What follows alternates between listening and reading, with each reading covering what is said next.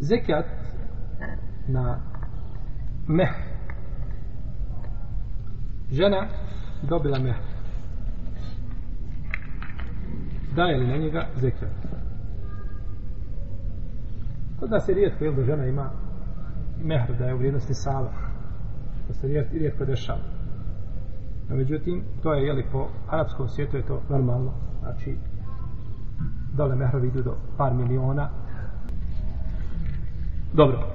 Žena uzela mehar koji je vrijednosni saba ili više od toga. Da li je dužna davati na njega zetja? Ako je mehar dostigao znači, vrijednosti saba ili više od toga, žena je dužna da daje zekijat. Dužna je da daje zekijat na mehar. Kada god se napuni lunarna godina, je hijđetska godina. No međutim, muž se oženio i nije joj dao zek, mehr odmah, nego kaže da ću ti sada 100 maraka, a ostalih 5000 ćeš dobiti nakon 10 godina. To zovemo ahar ili muajđer. To je mehr koji se daje nekada kasnije. I to je dozvoljeno. Dozvoljeno da samo mehr bude odmah na početku i to je najkraće. Dozvoljeno da bude nešto prije, nešto poslije, da dozvoljeno da bude sve poslije. S tim što neka olema kaže, lijepo je prije osamnjivanja širijatskog, nego što, nego što se, znači, e, osame, da joj dadne bar nešto, bar dinar, bar euro, bar, znači, nešto da bude prije, znači, odnosa. I dozvajem da sami metak bude kasni. Dozvajem sami, i to je, to je mehr koji se daje. I ovdje mnogo ljudi pravi grešku.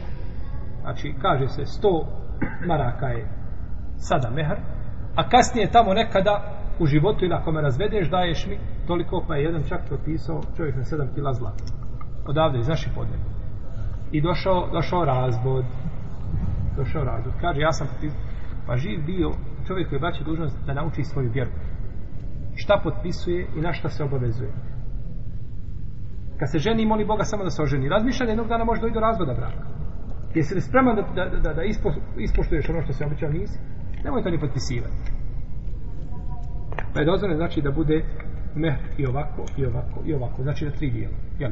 Prije ili poslije ili nešto prije, nešto poslije. Ako je žena dobila nešto, i ako je vrijednosti saba, davat će zekijat.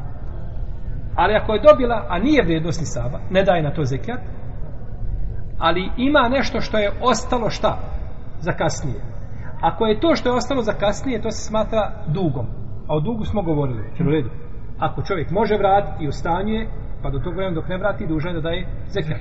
Ako nije u stanju, muž misli da može dati, pa ne može u povu tešku situaciju, financijsku, prošlo godina ne može, kada dobije, nije dužan da daje zekat, osim da daje zekat šta na jedno godinu, kao kaže imam malik, i Ibn Taym je dao to mišljenje te žive. Je u redu? Znači da dadne na jednu godinu. U protivnom dužan da daje sve. Ali ono što je dobila, ide sa onim kada bude davala znači zekat biće znači u propisu onoga što je jel što će dobiti kasnije ulazi znači sve u nisam no međutim ako žena vjenča se i odredi se mehru i prije nego što ima odnos sa njom pusti je čovjek nešto se zakačili oko svadbe nisu mogli dogovoriti gdje će svadba biti, u redu. I on je pusti. Razvuti. Ili se umiješala mama, punica se nešto umiješala, to njemu nije bilo nešto pobolje. I pusti ženu. Duže je da koliko mehra? Pola.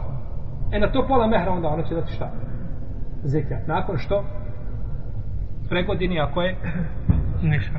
Mislim sa. Protivno? Neće da otiš. A kaže neka ulema za onu drugu polovinu daje muž. Što je njoj odredio kao mehr, pošto ta druga polovina znači ne daje zato što je, kaže na drugu polovinu odgovoran je odgovoran za nju muž. U svakom slučaju zekljat je znači ovdje i metak koji ničim ne izlazi i, i, i podleže, znači izlazi iz, iz onoga jeli, okvira e, ili metka koji podleže zekljati. Znači mora se na njega davati zekljati.